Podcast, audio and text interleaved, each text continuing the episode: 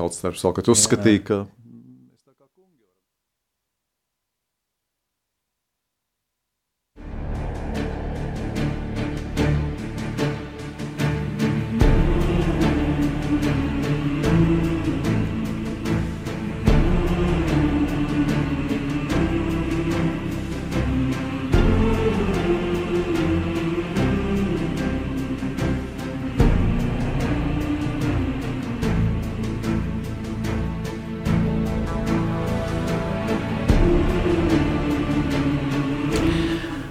Šeit rādījumā arī Latvija sākam rakstnieku pārunu stundu pasaules tulkošana. Kopā ar jums atkal ir Jānis Udris, un man šodien studijas viesis ir Dainis Ivāns. Mīļie klausītāji, es neteikšu nekādus titulus. Tas ir Dainis Ivāns. Sveiks, Daini! Labdien, sveiks! Protams, ir, ir vērts arī kaut ko pateikt, kas esmu. Jo, man liekas, ka jaunākā paudze jau sen vairs nezina. Uh, Uh, daudzi, bet, uh, bet, bet nu, cilvēks, kurš ir izdzīvojis uh, Latvijas atjaunošanu, Latvijas atgūšanu, un man liekas, ka es tikpat aktīvs esmu arī šodien, kā bija toreiz. Tu zini, to tu labi pateici, jo man visu laiku ir uz mēles tāds jautājums, kā tu pats sevi jūti, jo es esmu dzirdējis par tādiem cilvēkiem, kā par tevi saka, ka viņš ir mūsu vēsture mūsu dzīvā vēsture. Un tiem cilvēkiem ir taisnība, ja, jo tu ieņēmi mm, nu, pašu svarīgāko pozīciju, bija, pie tam bija ievēlēts demokrātiski, ja tautas frontes vadītājs. Tu biji tautas fronte, tā bija mūsu cerība, mūsu ticība, eh, mūsu nākotne, kas arī uzvarēja.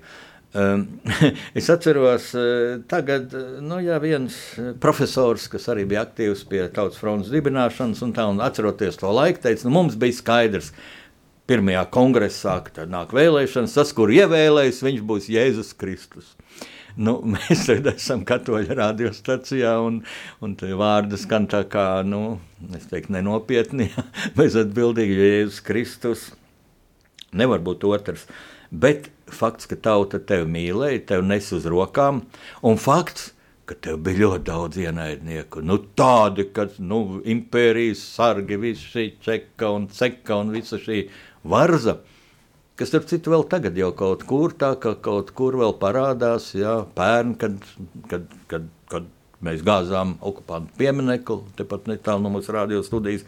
Lūk, kā tu jūties? Es, es laikam domāju, ka tomēr pareizi par tevi būtu teikt, ka tu biji ļoti aktīvs, ļoti svarīgs vēstures dalībnieks, veidotājs. Nu, varētu teikt tā, ka tas Dainis Ivāns bija, jo mēs jau tomēr maināmies, es šobrīd uz nu, sevi tajos vēsturiskajos kadros uh, kronikās, ko var ieraudzīt arī radioierakstos, es jau skatos tā nedaudz distancēti, eh, un tas tiešām tas tēls ieguva zināmu simbolu nozīmi. Zīmīgi, ka man taču mēnesi pirms Tautas fronts kongresa palika 33 gadi ar šis zīmīgais vecums, un es to Kristus liktenu krustā nešanu arī pieminēju savu pirmā runā, kad tika ievēlēts Jā. par Tautas frontes priekšsēdētāju. Uh, bet tā bija vesela paudze. Uh, nu, paudzes tādā nosacītā nozīmē 20 gadnieki, visvairāk 30 gadnieki un 40 gadnieki, kā, kāds bija tu, tu piemēram. Jā. Tā bija ļoti enerģētiska paudze, ļoti, es domāju, tāda pozitīvi tajā laikā un griboši uzlādēt cilvēki. Jo tagad, ar distanci raugoties, es tā redzu, es tā brīnos. Nu, Kur viņiem tāda enerģija? Es pats savā runā nevaru saprast, sevišķi meža parka manifestācijas runa 7. oktobrī, kas daudz kur ierakstīta un filmēta. Es skatos, tam jauneklim ir pilnīgi kodola reaktors iekšā, ka, ka, ka katrs vārds, vārds trāpa. Tur, kur tam vajadzētu, vajadzētu trāpīt. Un, uh, varbūt tāpēc arī, mēs bijām atmetuši tās bailes, ka mēs bijām pieņēmuši to likteni, ka mums tas krusts ir jānes un jāuznes tā kalna galā, mums ir jāizdzīvo, un tā ir mūsu pēdējā iespēja. Mēs arī panācām to, ko mēs panācām. Un šo laiku tādā ziņā. Nu, Es domāju, arī tādā, tādā ziņā to, to Dainu Ivānu, kas bija toreiz, noteikti vajadzētu atcerēties. Tas mūsu vēsturē, vēsturē iegājis. Bet, nu, protams, ka šobrīd es jau dzīvoju it kā citu dzīvi, kā Šekspīrs teicis, uh, ir milzīgs teātris, šī pasaule. ir milzīgs teātris, šī pasaule, nu visi ļaudis tajā aktieri, dažs vienalga daudz lomas spēlē. Jā, mēs tā kā spēlējam daudz lomas. Es arī atgriezies vairāk savā profesijā, publicistikā. Tu, tu jau būtībā faktiski turpini to pašu, ko dari žurnālistika un, un rakstniecība. Nu, tagad rakstniecība jā, ir pēc 90. Pēc iespējas vairāk, jā, jā. Tad es saprotu, ka tev šī raidījuma ir tāds kā hobijs, tāda, tāda nu, sirds, sirdsveldzēšana. À. Bet, Arī tam ir liela nozīme, jā. nozīme Jāni. Bet, nu, jā, tā kā tas, ko mēs tajā atmodā izdarījām visi kopā, nu, tas, ir, tas ir kaut kas tāds, kas noteikti paliks. Man kādreiz pēc Daugaus kampaņas, kad mēs faktiski man jau sākās tā ieiešana Latvijas sabiedriskajā dzīvē un Latvijas atbrīvošanā ar cīņu pret Daugopils Hess par Daugavas ielas saglabāšanu, par pēdējā dzīvā Daugavas posmiņa saglabāšanu. Un tad tāds, bija tāds Teodors Mažāns, tāds tautas daļamata meistars, viņš folkloru dziļi pārzināja, dzīvoja Tirzā. Un es vienreiz kā žurnālists arī pie viņa bija aizbraucis, viņš tā man nopētīja no galvas līdz kājām, viņš teica, tev, Ivān, varēsi pārvērsties kaut vai par sivēnu, bet tas, ko izdarīja Daugos labā, tas paliks. Un es domāju, jā, ka ir tā mūsu mūžā daži darbi, kas noteikti, kas noteikti paliek, ko nevar ap, apēnot arī ar vēlākās kļūdas, vēlākās alošanās, maldīšanās un meklējumi.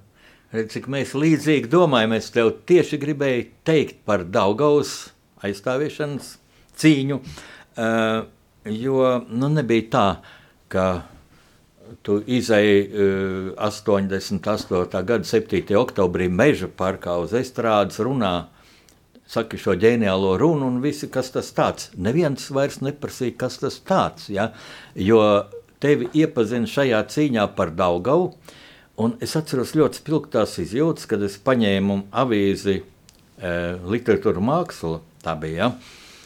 un tur bija rakstavs un snipa inženieris Nikolais. Jā, par Daugos likteni domājot. Un es ilgi skatījos, vairāk kārt lasīju, es domāju, vai tā ir īstenība, vai sapnis, ja? jo tas, kas bija sirdī, es taču esmu bijis pie Staburaga, Un es biju tad, kad beidzu 11. klasi. Jā, pie Stabura, kas faktiski Viņš bija. nebija apludināts. Jā, jā. Es to, to redzēju, šito jā. sāpi. Es tev, Jānis, saprotu, jo tas īstenībā Staburaks ir, ko es uh, praktiski neesmu redzējis, ka Staburaks taču ir mūsu otrs brīvības piemineklis. Jā. Un paradoxālā kārtā šo īsto dabas pieminekli okupanti iznīcināja. To, ko mēs ar rokām cēlām, to viņi nepaspēja iznīcināt. Un redz, kā mēs nonācām līdz 88. gadam, es domāju, ka ļoti, ļoti liels kapitāls bija iekrāts jau šajā cīņā par Daugavu saglabāšanu, jo taču tauta iesaistījās pirmo reizi, un man acu priekšā es tā no malas to redzēju. Nu, ko no malas es arī, protams, rakstīju, ja, un, un gatavoju reportāžas, un, un intervēju šos Maskavas emisārus, pretīgos un vaiprātīgos, kas ar pilnīgi ņirdza sākumā, ko jūs te latvieši iedomājaties. Kā tevī vairojās šis spēks cīnoties par Daugavu? Vai to tu jūti 7. oktobrī, pirms cik tas ir gadiem, jā, pirms 35 gadiem uz Meža parka estrādes, jo tā runa. Nu jā, te liek teikt, vai tu pats uzrakstīji, kā tagad daudz politiķu, vai ne viņiem tur palīgi uzrakst, bet tas tev nāca no sirds. Jā, Jāni, nu, mēs šobrīd runājam mūsu brīnišķīgās valsts, brīnišķīgās dzimšanas svētkos.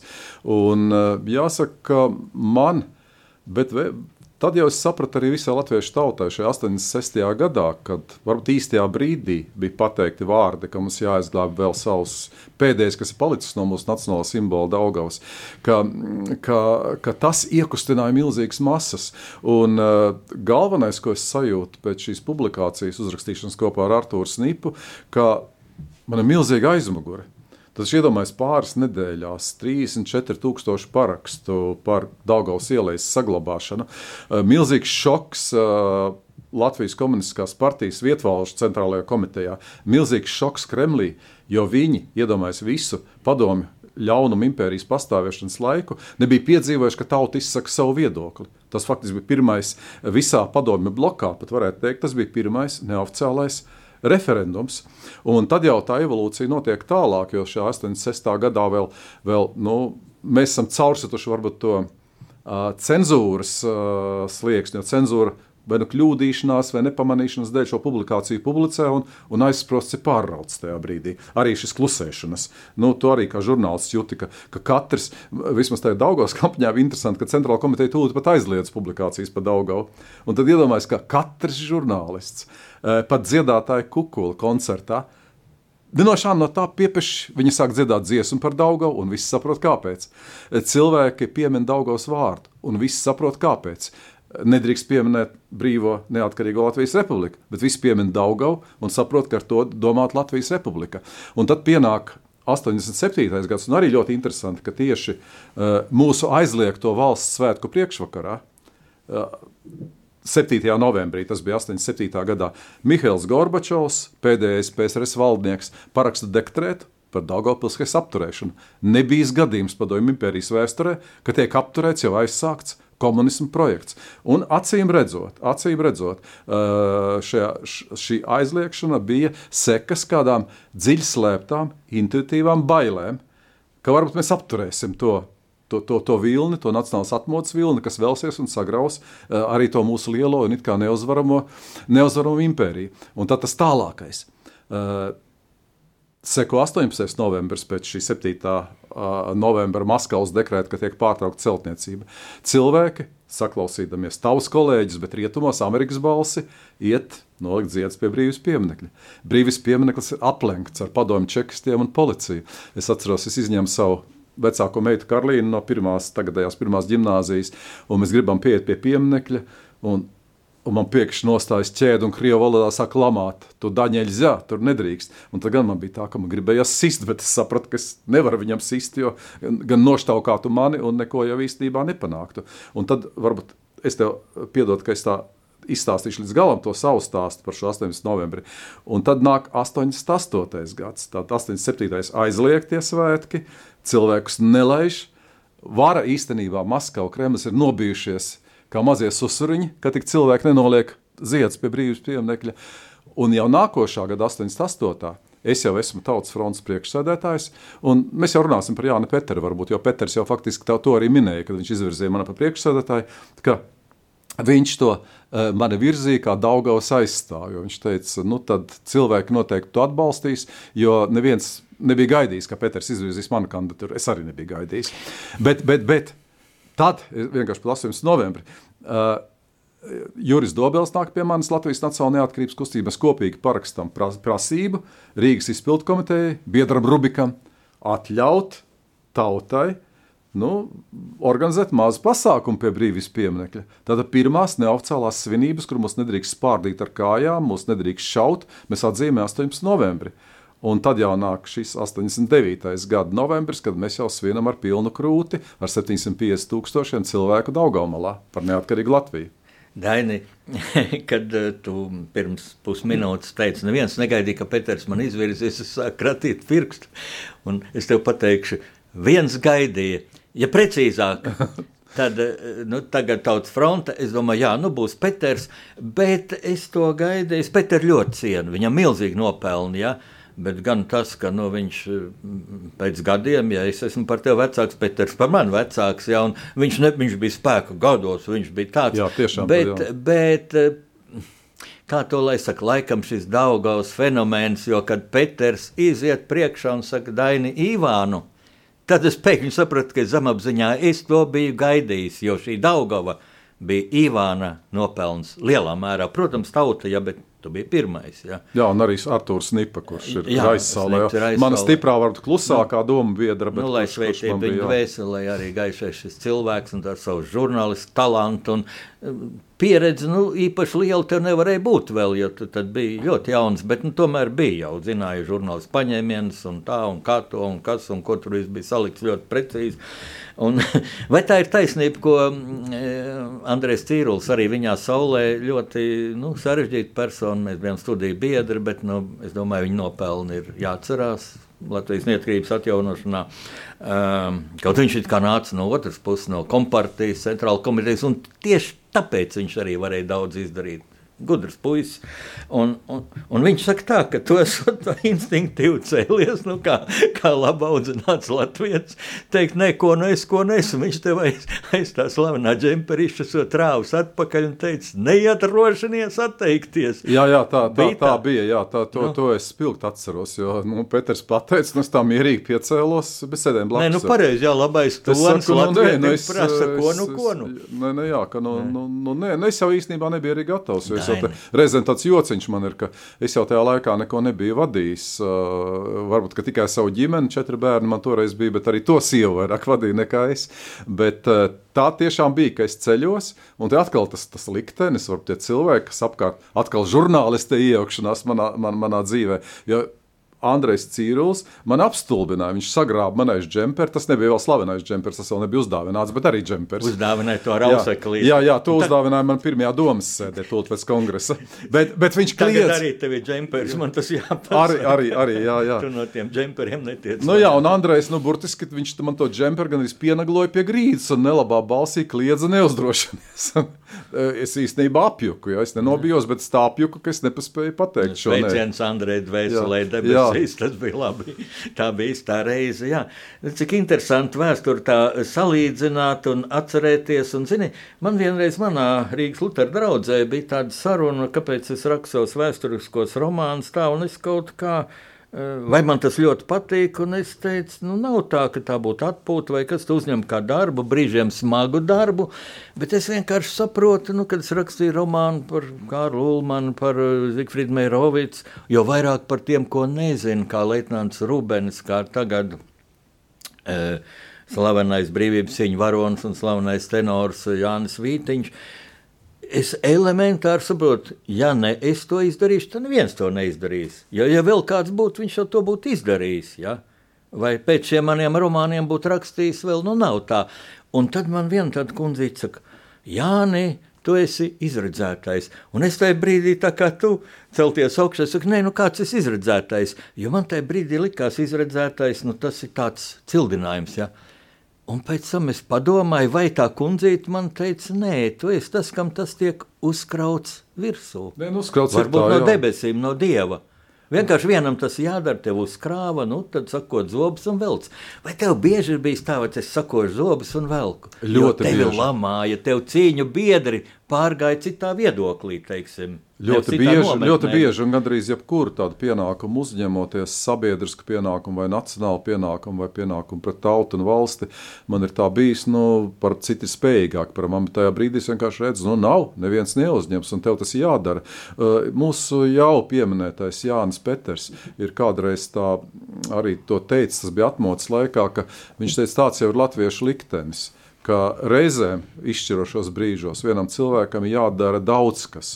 Nu, tāpat kā viņš uzņēmās to rakstnieku paplašinātā plēnuma rīkošanu, faktiski viņš ievadīja atmodu. Viņš ir, viņš ir šīs uh, rakstnieku inteliģences, mūsu sirdsapziņas modinātājs tajā laikā. Uh, un, un, un, un tā ir bijis visos laikos pirmās atmodas cilvēki. Es tagad um, veidojams scenāriju un rakstīdams grāmatu par pirmiem latviešu dziedāšanas svētkiem, es redzu, kādi tur bija cilvēki. Uh, faktiski tāda, nu, ar, ar tādu renesanses ģēniju vērienu. Jānis Baumans, superslavens arhitekts Krievijas impērijā, uh, trešdaļa bulvāra loku uzcēls Rīgā. Vācieši viņam sūta pasūtījumus vienu pēc otra. Viņš kļūst par Latviešu biedrības priekšsēdētāju, pat kaitēdams savam biznesam, jo vāciešiem nepatīk, ko viņš tur pie bauriem aizgājis. Ir. Uh, Rihards Thompsons. Uh, lielākās uh, minerālu mēslu ražošanas fabrikas īpašnieks Krievijas impērijā, agronoms, inženieris. Un tad, kad viņš redz, ka latviešiem nav lugas, jo viņam, viņš uzskata, ka latviešiem vajadzīgs teātris, viņš pats saraksta pirmo latviešu lūgu Mikus, un vēlāk arī Mikus nāk mājās, pie tam par ļoti interesantu rekrūšu tēmu par to, kā uh, tas gan nav tādā veidā pateikts, bet tas ir skaidrs par šo latviešu sūro likteni, ka Krievu cara tētiņš mūs vienmēr sūta savos karos, iekrot svešas zemes. Tā arī to Miku, Miku iesauc šajā karā par rekrūšu tēmu. Viņš pats režisē šo izrādi, viņš pats iestudē šo izrādi. Viņš dzied koros, un viņš kļūst arī par Latviešu pirmo dziedāšanas svētku rīcības komitejas priekšnieku, norganizēt dziesmu svētkus. Uh, panākt pilnīgi neiedomājamo, dabūja atļauju šiem dziesmu svētkiem, jo ne vietējā vācu pārvalde, ne krievi negrib atļaut, lai latvieši šādu dziedāšanas svētkus rīko. Uh, viņš panāk, ka tas viss notiek, viņi gūst pat svētkos ienākumus, bet galvenais, viņš faktiski pēc šiem svētkiem pasaka galveno kredo. Ko šie cilvēki, teikdami, ka viņi tur par godu, tur cārām, brīvlaišanai tas svēts, viņš pasaka, apzinieties latvieši, ka 1873. gada 20. 6. jūnijā pa Sirmās Rīgas vārtiem ienāca vidzemnieki, kurzemnieki, rīdzinieki, Pēterburgas latvieši, jo Jurijāna Andrejs brauc ar saviem Pēterburgas dziedātājiem, no, pat no Pēterburgas studenti, latvieši no Tērbatas, no Berlīnas, no Maskavas, no, no Pēterpils. Bet pēc šiem dziesmētkiem mēs par Rīgas vārtiem izējām ārā kā vienota latviešu tautu, kuru nešķirs ne Daugava, ne tālumi, ne kārtas, ne turība, ne arī izglītība. Ja? Tad uh, viņš faktiski veic vienu fantastisku darbu, apvieno latviešu tautu. Un uh, atkal svētku priekšā runājot, man, man liekas, pilna galva ir šo te. Man gribas pieminēt vēl vienu datumu, 22. novembris. 22. novembrī 1868. gadā tiek dibināta Rīgas Latviešu biedrība.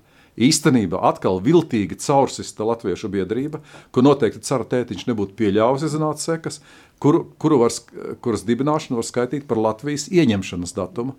Latvijas garīgā ieņemšana, ka pirmo reizi sastāda pirmo oficiālu dokumentu latviešu valodā, statūts Rīgas Latviešu biedrības, un Latviešu biedrība sāka pamazām stiprināt latvisko identitāti, latvisko pašapziņu, kas mūs noved līdz 1918. gadam, līdz neatkarības karam, kas mums rada dziesmu svētku tradīciju, kas nav tikai dziedāšana, kas ir īstenībā uh, garīgās pretošanās skola un garīgās pretošanās kustība. Nevardarbīgās pretošanās kustība, ar ko mēs ļoti daudz esam, uh, daudz esam ieguvuši. Un faktiski trešā atmodu, jau kad mēs atgūstam neatkarību, jo mēs jau runājam par 87, 88 un Mums īpaši runa laikam būs par 89. gada 18. novembri. Mēs tieši ar šo nevardarbīgo spēku, ar šo, šo, šo, šo tautas demokrātiju nonākam pie tā, ka mēs atjaunojam Latvijas valsti, atkal atjaunojam. Jā, tu ļoti rosīgi darbojies publiskajā telpā, un šī filma, mm, kuras scenārijs ir pamatā tavs, tu rakstīji scenāriju, tas ir, tas ir nu, tur teikt paldies labi, izcili par mazu. Nu, jā, tur, tur nav tā, tā filma ir gatava. Un, un, Gaidām.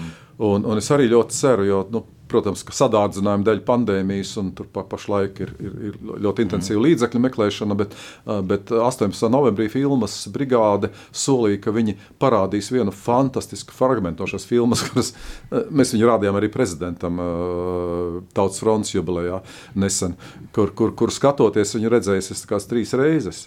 Nu, es ceļos kājās un raudu.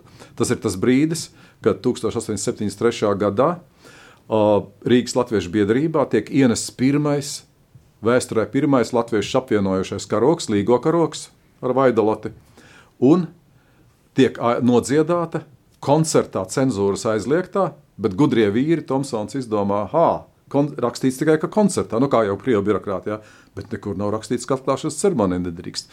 Un viņi drosmīgi, izaicinoši uh, atskaņo pirmo reizi Baumaņa Kārļa Dievs svētī Latviju šajā, šajā mm, nu, dziesmu svētku atklāšanā. Un e, šo fragmentiņu, tieši šo aizkustinošo fragmentiņu, kuru lieliski notēlo gan aktieri, gan arī, gan arī tie mūsdienu cilvēki, kas maz skatos e, spēlē e, filmas veidotāji, tā kā ir apsolījušies, ka viņi ieliks kaut kur tīklos un cilvēki varēs kā sveicienu svētkos noskatīties. Tas ir brīnišķīgi. Un tu paralēli tam visam, ļoti aktīvi darbojies Tautas frontes muzejā. Būtībā tu esi šī muzeja dvēsele, kā es to vēroju arī tagad. Muzejā, jā, muzejā es esmu nu, štata darbinieks uz puslodzi, varētu teikt. Jā, tā. Nu, tā jokodamies, es saku, es strādāju par eksponātu, kas nu, gandrīz atbilst patiesībai. Nu, var atšķirībā no citiem eksponātiem es novecoju. Ja? Tur mans žemprīts restaurēts stāv tur stikla vitrīnā iekšā. Tautas fronts muzejā to vienmēr var apstīties, bet tur ir gan jāvada ekskursijas, gan jāintervē nu, cīņu biedri. Vēsturiskie varbūt arī tava kārta pienāks. Par jārunā ar tiem, kas veidoja atmodu, jo dokumentāla liecība jau nav nemaz tik daudz. Atcerieties, kā toreiz bija. Telefona likums, viss notika bieži vien manifestācijos, mītiņos, un, un nekas netika birokrātiski nu, pierģistrēts par to, kā notika gan tautas fronts dibināšana, gan eh, neatkarības atjaunošana. Un eh, at, arī šai svētku sakarā man bija tāds nu, interesants piedzīvojums, ne piedzīvojums, bet uh, bet, bet tāda satikšanās caur dokumentiem, gan ar tevi, gan ar 1989. gada. Uh, man liekas, Latvijas vēsturē milzīgāko tautas manifestāciju ar nosaukumu par neatkarīgu Latviju. Mēs šifrējām fotogrāfijas, un es arī nevarēju saprast, es sūtīju tās fotogrāfijas. Tur vienā no tām es piepieši ieraugu tādu jaunekli baltā mētelītī, kas man aizdomīgi liekas līdzīgs tev un es tev sūtīju, vai tas tiešām esi tu, jo mums vajag šīs fotogrāfijas identificēt. Uh, citā fotografijā es ieraugu mūsu pirmā prezidenta Jāņa Čakstas mazdēlu. Uh, Jānis Čakste, kurš tajā laikā dzīvo Zviedrijā un atbrauc uz, uz, uz, uz, šo, uz šo mītiņu. Un, uh, pateicoties tev, uh, atkal meklējami to, kā šis mītīņš noticis, kādi cilvēki tur piedalījušies. Uh, mums arī tāda zināmā laime bija no tevis saņemt saiti, ka izrādās tā reportāža, ko es redzu. Uh, Šajā fotografijā tu ieraksti leģendārajā padomju repītī, ar kuru kā Raits Kalniņš teica, varot riekstus daudzīt. Jā, Atvaino, tas vairs nebija padomju, tas bija Ungārijā ražots. Ah, Ungārijā ražots, bet jā, arī padomju komunistiskā tas jau bija labākais. Jā, Viņš bija jau, labs, jā, viņam bija izvelkams mikrofons, tāds jā, teleskopiskais kāds, un varēja, mm. viens vecais strelnieks teica, ūdens ar savu makšķeru kāti jau priekšā, un tad varēja, jā, vēstures mirkļus kvalitatīvi ierakstīt. Un to, to, to mēs arī, arī muzejā pārliecinājāmies, ja, Jā. Ka šī ir fantastiskā reportāža, manī uzjundīja tās pirmotnīgās tās sajūtas, ka mūsos ir atmodies tas neatkarības gars, tas kareivīgums. Uh, ir atdzīvojis tas ieraudziņš, ko mūsu senči pirms 155 gadiem dibinājām Rīgas Latviešu biedrību, ir ielikuši iekšā, ka mēs atkal esam latvieši. Mēs esam kopā, mēs gribam savu valsti. Tu zini, kad uh, tu pirms brīža teici, ka šo jaunās filmas fragment skaties un, un, un, un, un, un tur mazliet raudi. Ja? Tad man ir tā, ka es kādreiz paklausos šo reportāžu. Nu, Paklausīsimies, varbūt vēl. noteikti, noteikti. Tas ir to vērts. Jā, tas jā, ir vienreizējs sajūta. Fragments šīs reportāžas sākumu lūdzu uzliksim. Bet plašākais tautas gribas apliecinājums vakar atkal mūsu likteņu upes Daugavas krastā kur notika grandioza Vislatvijas tautas manifestācija par neatkarīgu Latviju. Šobrīd es ar dzimtakas mikrofonu esmu Daugomlā metālu no Rīgas pils. Šajā vietā ir būts neskaitāms reizes, būts darba dienās, būts dažādu pompozu svētku reizēs, būts tautas manifestācijas laikā. Taču Var droši apgalvot, ka vēl nekad šai vietā nav bijis vienopats tik daudz cilvēku. Tik daudz cilvēku šeit nebija pat grandiozajā šī pavasara svētku manifestācijā, kad te bija sapulcējies ceturdaļa miljons cilvēku. Cik vien tālu skatiens sniedzas te Daugaumlā no dzelzceļa tilta līdz pat jūras ostai. Krastmāla ir ļaužu pilna. Cilvēki pulcējušies arī tepat līdzās Doma laukumā, kur manifestācijas norisei seko pie spēcīgiem skaļruņiem. Šobrīd viss nācijas manifestācija no Daugomāls tiešā pieslēgumā pārraida Latvijas televīzija un rādio jau no paša rīta Burtiski no visiem Latvijas novadiem šurp uz Rīgu plūda autobusu traumas, brauca daudz papildu vilcieni. Un šobrīd liekas, ka te mūsu likteņupas krastā ir atnākusi vai visa Latvija, visa latviešu tauta šurp atnākusi apliecināt pasaulē savu nelokāmo apņēmību. Cik Jā, dīvaini sajūta, 35 gadi pagājuši, bet nu, nu man tur vajadzēja raksturot ja, to, to, to noskaņu, to situāciju, bet pēc tam jau vesela virkni cilvēku runāja. Tagad es, es gribu vēl vienu ierakstu no toreizējiem varas vīriem un dziļu, dziļu patriotu balsi jūs pazīsiet. Nu, es ar laiku, es, es ar pateikšu, kas tas ir. Lūdzu, nāk vēl fragmentu. Atkārtot pateicam. Protams, viņi tikai parlamentārā ceļā, jo cita ceļa pagaidām nav un nevar būt. Bet mēs esam vienoti, un man gribētos, lai mēs tikpat vienoti būtu vēlēšanās. Un arī ikdienas darbā. Paldies! Latvijas kultūras ministrs Raimons Pauls. Es domāju, ka mēs atkārtot pateicam visiem mums sen zinām un saprotam frāzi. Jācīnās tālāk. Eļa pagaidām nav un nevar būt, bet mēs esam vienoti un man gribētos, lai mēs tikpat vienoti būtu vēlēšanās. Un arī ikdienas darbā. Paldies! Latvijas kultūras ministrs Raimons Pauls. Es domāju, ka mēs atkārtot pateicam visiem mums sen zinām un saprotam frāzi. Jācīnās tālāk par neatkarīgu Latviju. Jo es tagad, uh, noskatoties, uh, nu, pašreiz Maskavā šīs sēdes, ja, šīs apspriedes, tomēr sapratu, ka um, pietiek, pietiek pļāpāts ir laikam vienreiz konkrēti un skaidri jāpieprasa, ko mēs gribam. Ja? Citādi man liekas, šī plāpāšana, šī gumijas stiepšana var aiziet pat tālu. Par maz būtu teikt, ka šī diena, 1989. gada 18. novembris, ir vēsturiska. Tā ir lielā izšķiršanās diena katram latvietim, visai latviešu tautai. Un pēc šīs grandiozās latviešu manifestācijas te mūsu likteņups Daugaus krastā. Visā pasaulē nevienam gan vairs nedrīkst palikt šaubas par latviešu tautas brīvības, apņēmību, par latviešu tautas drosmi un spēku iet šo brīvības ceļu līdz galam.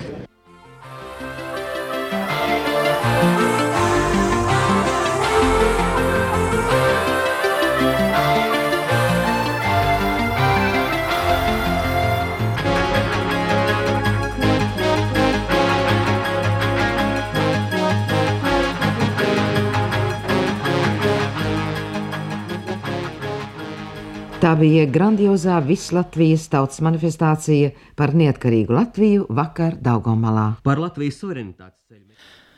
Jā, dīvaini sajūta. Kāda tev bija sajūta, Daina, bet tu šajā manifestācijā nebija, jo tevi tautas fronte aizsūtīja uz Austrāliju. Jā, tā, tā bija vienīgā no milzīgām manifestācijām, kurā es pats nepiedalījos. Mums bija ļoti sarežģīts pirms mēneša Tautas fronts kongress, kas, ka, kam vajadzēja pieņemt Latvijas neatkarības atgūšanas programmu. Arī kaut kā mēs atkārtojam to Rīgas Latviešu biedrības ceļu no sākuma. Ir palīdzības biedrību trūkumu ciestami Igauniem. Mums no sākuma pārbūves atbalstīšanas biedrība, Maskavas un tam līdzīgi. Un pēc gada Latviešu biedrība jau sev pasludina par latviešu interesu aizstāvi, savukārt Tautas fronte pieņem pirmo Latvijas neatkarības atgūšanas programmu, kas, starp citu, arī ir viena no retajām politiskajām programmām, kur ir pilnībā piepildīta, ko jau kāds politiskais spēks ir izdarījis. Un, eh, bet kongress bija, protams, ļoti sarežģīts, jo kongresam sekoja Maskava ļoti. Eh, esmu pārliecināts, ka tur bija pilns ar provokatoriem, tur bija sagatavota scenārija no varas iestādēm, un kongress gandrīz sašķēlās. Kongress sašķēlās, un eh, bija pat viens mirklis, protams, ka es dabūju visvairāk kā priekšsētājs. Mm, ka, kad mēs lūdzām mācītāju Juru Rubeni, iziet tribienu un mēģināt samierināt uh, it kā sašķeltās kongresa daļas, kaut gan beigās izrādās, ka šķeltnieki ir maz. Acīm redzot, tur vairāk bija profesionāli provokatori, kas bija tajā pusē, kad uh, Rubens iznāca un teica slavenos vārdus, ka, uh, ka nu, ja jums ir svarīgs šis vārds Dievs vai svarīgs vārds Latvija, tad saprotiet, ka ir kaut kas augstāks, ka Latvija ir kaut kas augstāks par to, ko jūs tagad strīdaties par tām vietām, domē vai tam līdzīgi, un šķiet kongresa.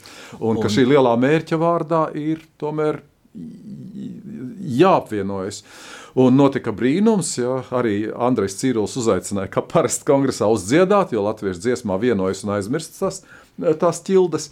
No rezultātā man ievēlēja atkal pa priekšsētāju, neatkarības atgūšanas programma bija pieņemta.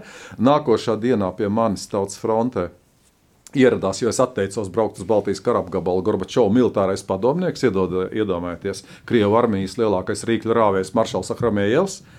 Uh, acīm redzot, viņš bija klausījies jau, viņam bija ziņots par šo kongresu, viņš bija atsūtīts uz Rīgu. Jo nu kā tā, ja pašā armijas midzenī, kur, kur varonīgā Krievija armija ir ieperinājusies, ja te zini, kaut kāda separātisti kaut ko dara. Un tam mums bija tāda nu, ļoti nepatīkama saruna tajā tautas frontes mītnē. Un mēs šķīrāmies ar to, ka viņš novilka tādus vārdus, saka, tad neatkarība gan jūs gribat, nu es ziņošu Gorbačovam. Ja, nu tā. Tā viņš partneri. bija pie tautas fronts, tomēr atbraucis. Jā, jā, jā, man- Nesauc tevi uz, uz uh, Mani sauc, es, štābu? es jau teicu, ka mani sauc uz Aha. štābu. Bet Es pateicu, negāji. es netaisos turien braukt, ja gribu, lai braucu uz tautas frontes mītni. tiešām jā, jā, jā, ar visām savām Uz vec- bruņu mašīnām. laukumu, Jā, jā, jā, jā viss vecpilsētas ielas laukums bija pilns ar, nu, nevis ar tām kāpurķiešu mašīnām, bet tādām milzīgām bruņotām čaikām. Bija tāds, nu, tāds Jā. milzīgs melnas mašīnas, tad viņš tur sabrauca kaut kādu viņam bija kā pie zobārsta jābrauc ar nepatiku, jā. jā, jā, nu, tā, nu, viņš nabadzīgs, tā saprot, sēdēja pie viena galda, tāda apaļa ar mani tādu neizgulējušos uh, džemperotu tipiņu ar gariem matiem, jā, un, Jauns puika. jā, jā, un bija spiests jā, ar, ar, ar, ar, ar mani runāties. veca unka. Jā, jā, man jau Gorbačovs toreiz arī, nu, Bišers teica, ka Gorbačovs jau visu laiku mēģinājis man nostumt malā, jo, nu, tā, tas tak puika, tas tak puika, ja es runāšu ar nopietniem vīriem, nu, laikam domāju, ka tos nopietnos vīrus varēs pielaust vieglāk, padoties un, un, un iekrist viņu izvilktajos, uh, izvilktajos viltības uh, tīklos. Bet uh, faktiski ir tas, mm, mēs, mēs klausījāmies šos brīnišķīgo manifestāciju, tā notiek tātad mēnesi pēc šī Tautas fronts kongresa. Uh, Es esmu nu, gan, nomocījies, gan arī mums ir svarīgs brauciens. Austrālijas latvieši lūdz mani un vēl dažus tautas fronts vadītājus braukt uz Austrāliju, jo ir sarunāta vizīte ar Austrālijas premjerministru Bobu Hauku, eh, kurš ir gatavs jau nēsošai valstī, nēsošai kustībai dot to, ka, ka tā tiks atbalstīta cīņā par Latvijas brīvības atgūšanu, jo Austrālijā bija pietiekoši spēcīga latviešu kopiena. Un es devos uz Austrāliju tieši šajā, šajā mītiņā gatavošanās brīdī. Bet tieši šodien var tā īsti saprast to, ko mēs sapratām, ka pēc kongresa ir vajadzīgs kaut kāds milzīgs tautas apliecinājums tam, ka mēs neesam ekstrēmisti. Jo Gorbačovs pēc Kremlī mūs sauc par ekstrēmistiem, teroristiem, par nacistiem. Tā, tieši tie tas pats komplekss, ko Putins par Ukraiņiem tagad runā. Un ka mūsu tauta neatbalsta. Un mēs domājam, nu pagaidiet, Putniņi, mēs jums tūlīt parādīsim, vai atbalsta tautu vai nē. Rīkojam jātaisa mītiņš, jo tā, bija, tā, tā faktiski bija mūsu lielākais ierocis. Šis milzīgās masas, ko Kremlis pat ar visiem saviem 140 miljoniem padevīgo vergu, joprojām, man liekas, viņiem nekad nesanāk tik daudz cilvēku no brīva prāta uz sarkanā laukuma, kā mums sanāca uh, bailēs. Ka iespē, pilnīgā iespējā, ka varētu uzbrukt, ka šos cilvēkus var represēt, bet sanāca tajā reizē kaut kur 750 tūkstoši. Un tagad tikai es saprotu, kāda tam jēga bija. Jo būtībā pēc tautas frontes, kas it kā nebija nekas sabiedrisks politiska organizācija, pieņemtas programmas, tas bija atkal pirmais absolūti tiešās demokrātijas referendums par neatkarību. 750 tūkstoši. Man tagad nav galvā skaitļi, cik mums te pēdējos referendumos piedalās. Man liekas, krietni mazāk cilvēku, kas tur balsoja par vai pret kaut ko par kaut kādiem referendumu aizvirzītiem jautājumiem. Bet te 750 tūkstoši balstiesīgo latviešu ierodas Daugamalā un balso ar saucieniem Brīvība Latvijai. Balso, balso laukumos, balso savus likteņu, likteņupes krastos. Un, eh, tā bija faktiski šī, šī fenomenālā eh, 18. novembra manifesta lielākā jēga. Un tajā brīdī, varētu teikt, mēs jau bijām uzvarējuši. Jo Varēja sekot viss, varēja sekot atkal lēģeri un šaušana un tam līdzīgi. Bet tas vienkārši parādīja, cik mūsu tautas spēks, tas garīgais spēks, pret to impērijas gļēvumu ir daudz, daudz pārāks un, un daudz uzvarošāks. Un faktiski mēs jau nezinājām, kad mēs sasniegsim šo brīvo Latviju un kā mēs sasniegsim. Vēl, vēl joprojām nebija zināms, kā, kā mums klāsies šajā vēlēšanu maratonā kas sākās tikai uh, 90. 90. gada martā, bija tās Latvijas pēc augstākās padomus vēlēšanās, kur mēs dabūjām tās divas trešdaļas. Bet faktiski mēs, mēs jau bijām nodrošinājušies ar absolūtu tautas atbalstu, kas nebija noslēpjams, jo to jau translēja visā pasaulē. Iedomājieties, faktiski visi Latvijas balstiesīgi iznāk ielās un pasaka, ka mēs negribam dzīvot šajā Krievijas impērijā, mēs negribam Krievu pasauli, Mēs gribam būt brīvi, mēs gribam atgūt savu identitāti, kas pasaulē ir daudz svarīgāka nekā šeit viena, uh, nu, viens, viens jauns pufekcijams. Jā, tas ir apbrīnojami ar gara spēku pret kara spēku. Es atceros, kad tautā diskutēja, kam pieder šie ģeniālie vārdi. Tur minēja ar ķēzberu, tur Jānu jā, jā, jā, Māra Zālīti. Un... Bet patiesībā tas Māris Čaklais poemā Kaugurieši. Kaugurieši, jā, jā, 8, laikam 969. gadā rakstīta, rakstīta zejols Kaugurieši. Un jā. tagad es gribu muzikālo pauzi pieteikt. Muzikālajā pauzē skan Daņa Ivāna, man šodienas viesa, izraudzīta dziesma. Tad gaidiet ar interesi, kura tā būs. Es redzu, nāk vīri pelēkos, vadvalas svākos. Ir 1008.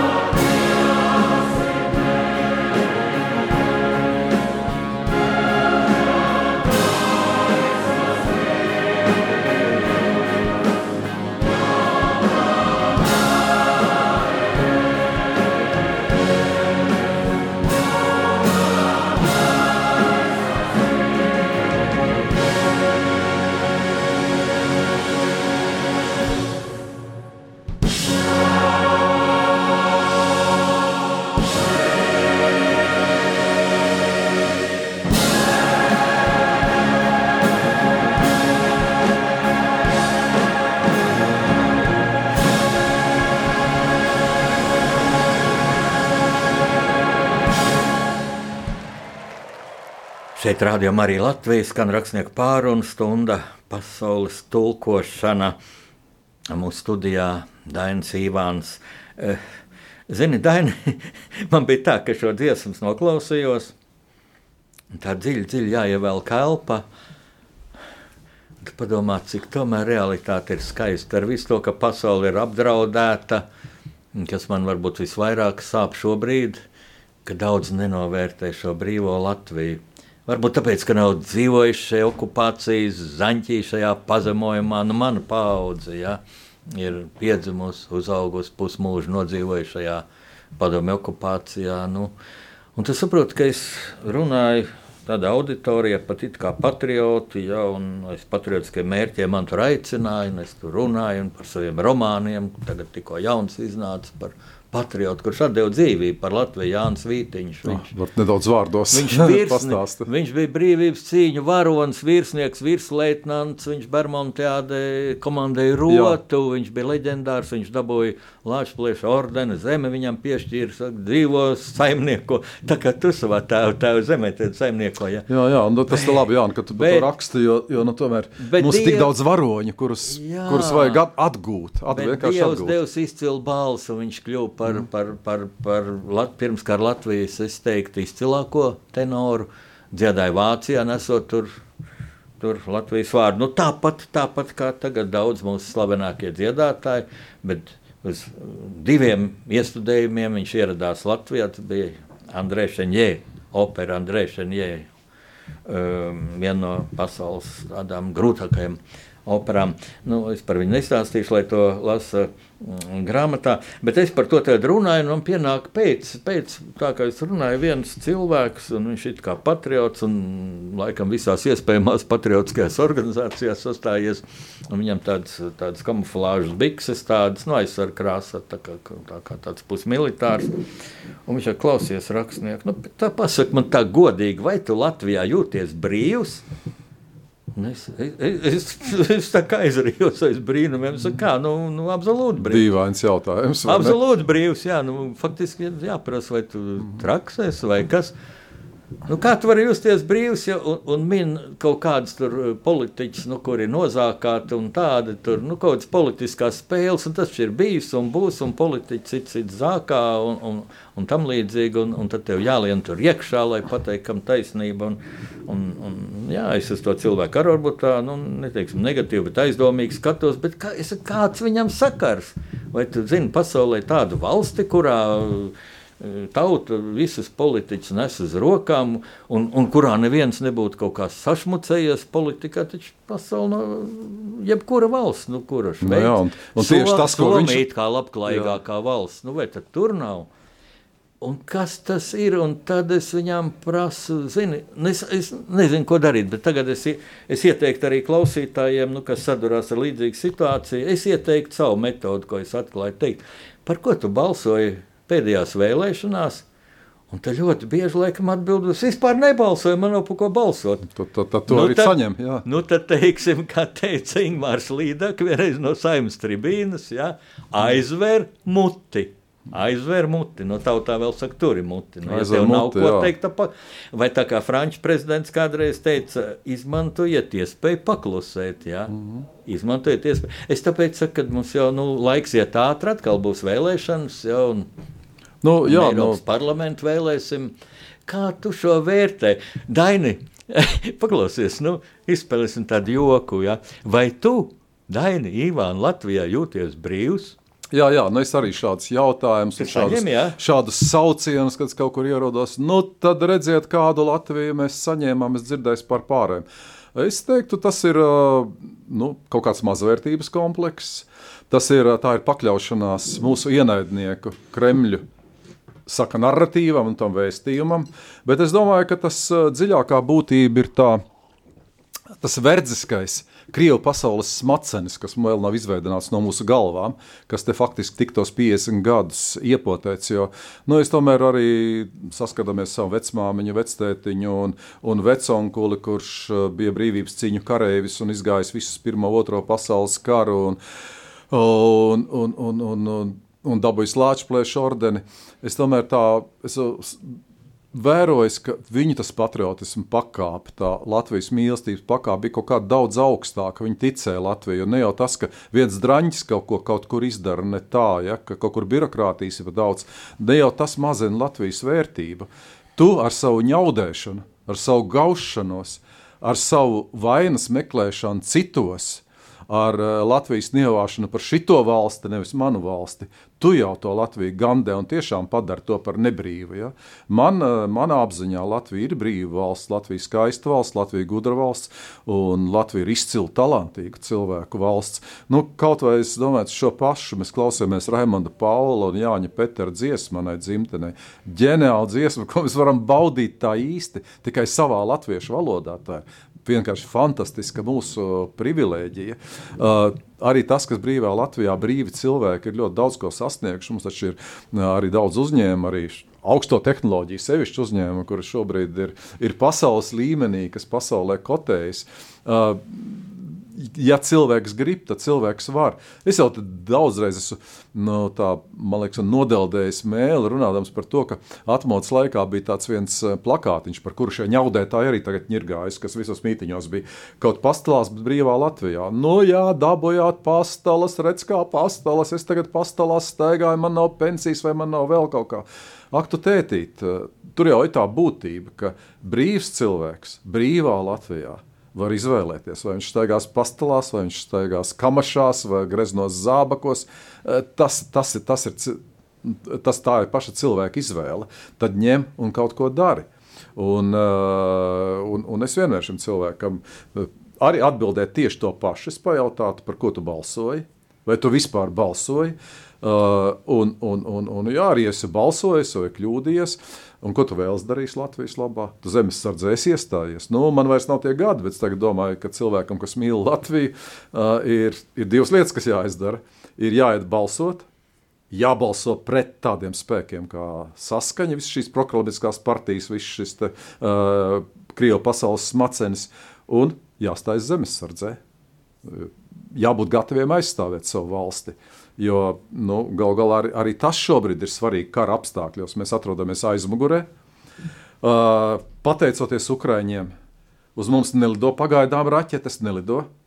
Bet uh, tas brīdis var pienākt, ja mēs pateiksim, ka šī tā valsts jau nekā, nav nekā vērta, ja, ka es šeit nejūtos brīvs. Uh, tad lai nāk, nāk krievi un man, man, man atnes verdzību, un tad verdzībā es jutīšos brīvs. Tā kā ir jābūt gataviem aizstāvēties, cik tu esi gatavs sist pretī. Un arī tas ienaidnieks, ja viņš jutīs, ka tu esi gatavs sist pretī, viņš ir pietiekoši gļēvs. Latvijas vēsture jau no pirmā dziesmas laika ir parādījis, ka tas mūsu pretinieks, uh, moskaļi vai kremlnieki, visi, nu, viņi ir gļēvi, viņi ir bailīgi. Viņi var tikai barā, viņi var tikai sist vājāko un spārdīt kājām, bet viņi, viņi saļimst gan garīgā spēka, gan arī tāda normāla, godīga, principiāla fiziska spēka priekšā. Un, uh, un, un, un, un tā, tāpēc mums visu laiku ir jābūt, jāuztur kaut kāds, kaut kāds tonus un jāuztur lepnums. Tur kaut kā 18. novembris, tad nu ir tā diena, kad mēs pa pilnam varam lepoties ar savu valsti. Aizej, vai kaut kā slēdz televizoru, pasties Latvijas bruņoto spēku parādi. Uh, Arī mēs tam smīkņājām, nu tur kādi mums tur nošļukuši zemes sargi 90. gados, kas tam mums par ieročiem kaut kādi. Nu, tā toreiz pa šņabe pudeli, pat man kādreiz mūsu virsnieki atstāstījuši no krieviem. No krieviem visu varēja nopirkt, pat tanku varēja pa šņabe pudeli nopirkt. Ja? Tas, tā, tā, tā ir šīs krievu pasaules šo vatinieku daba. Uh, Tagad mēs esam normāli NATO armija. Es uh, kopā ar Askaltu Saulītu uz aiziepriekšējiem svētkiem režisoru taisīju tādu filmu Mans zelts par latviešu karavīru visos laikos, kāds viņš bijis. Un tad mēs intervējām mūsu ģenerāļus, un es ieraugu, pie manis ienāk tādi braši, rietumu tipa ģenerāļi, rietumu tipa karavīri, to nošņurkušo krievu praporšķiku un, un, un, un, un palkalnieku un murmuļu salīdzinot ar tiem, kādus redzēju padomu laikā šeit. Mēs esam būt, būtiski mainījušies, mēs esam kļuvuši par pietiekoši spēcīgu valsti. Un, nu, protams, ka mums tad ir, ir, ir, ir jābūt arī kaut kādam zināmam saprātam. Protams, ka es klausos sājumu un kaut vai redzēdams, kā deputāti pilnīgā vienprātībā nobalso par par, par, par hipotekāro kredītu procentu, laikam samazināšanu, iejaucoties privātā biznesā. Un, un, un, un kad es dzirdu to, ka, ka, ka, ši, ka šie nabadzīgi, kuriem palīdzēs tos hipotekāros kredītus sekt, ir tie, kuriem atlicis 250 tūkstoši eiro nesamaksāti. Nu, un, un, un, un, un man te viens uh, saimnes deputāts stāsta, ka tie esot trauslā vidusšķira. nu, tad es nezinu, tad es laikam esmu kaut kāds lumpenis, jo 250 tūkstoši atlikums, kas vēl nav nomaksāts es, man tāds pat sapņos nerādās. Ja? Tad tos mēs tagad glābjam, ja simtprocentīgi. Nu, protams, ir jābūt pietiekoši kritiskiem par to, kas notiek politikā, bet tad, lai, lai tā nenotiktu, lai šie puskoka lēcēji tur neiekļūtu un nedancot mums pa galvām ar savu populismu, kas, starp citu, ir ļoti bīstams tas populisms, ko mēs atļaujam. Jo Mēs jau redzam, kas pasaulē notiek, ka, ka visu laiku pasaule steigā uz naža asmens, gan, gan polijas vēlēšanas kritiskas, gan, gan viens uh, noderīgais idiots uh, Slovākijā nācis pie varas Putina piekritējis. Tāpat uh, es pilnīgi pārliecināts, es, es, es uh, intuitīvi, ja, intuitīvi jo, jo man pierādījumu nav. Čekas aģents Orbāns Ungārijā, kurš, kurš pilnīgi klanās priekšā. Arī mums ir jāuzmanās, jo mums tādi ir daudz. Atcerēsimies, tavs kolēģis, rakstnieks un arī mans kolēģis, uh, atmodas cīnītājs Andris Kolbergs, uzrakstīja tādu romānu Meklējiet sievieti. Un pēc šī romāna ir uztaisīta brīnišķīga filma kriminālietu iesācējiem. Un tur tāda viena epizode beigās, kad divi tādi nu, čekas aģenti, kuri visu mūžu tur bijis iepūties čekas sakaros, un, un viņas priekšnieks kas nācis no Maskavas, bet tagad iefiltrējies rietumos, viņiem ir saruna. Viņi saka, nu, lai viņas meitu, meitai izkārto studijas ārzemēs, jo viņi teica, kamēr te būs Latvijā tāda kā mēs, te nekas nebūs. Un tad arī šitos vajag vispār just. Viņus pat var nevajag atmaskot īpaši, ja, bet, bet nevajag pakļauties šiem ņaudulīgajiem, šiem pašno niecinošiem vēstījumiem. Mums aizgāja pēdējā raidījuma minūte Daini pēc pāris dienām mūsu Latvijas Republikas dzimšanas diena. Kāds tavs vēlējums Latvijas tautai, nācijai, latviešu nācijai? Galva augšā, plecus taisni, mugurkaulu iztaisnot un, ja vajadzīgs, savilkt arī dūres un sist pretī saviem ienaidniekiem. Un, protams, es uh, novēlētu mums izmantot šo brīdi pasaules vēsturē, ka mēs varam krietni latviskot savu Latviju un, un, un, un izpūst to padomju smaceni, kas mūsos joprojām, vēl, diemžēl, ir saglabājies, bet kura kļūst arvien mazāk. To teica Dainis Ivāns, Radio Marija Latvija, rakstnieku pārunu stunda Dievs svētī Latviju.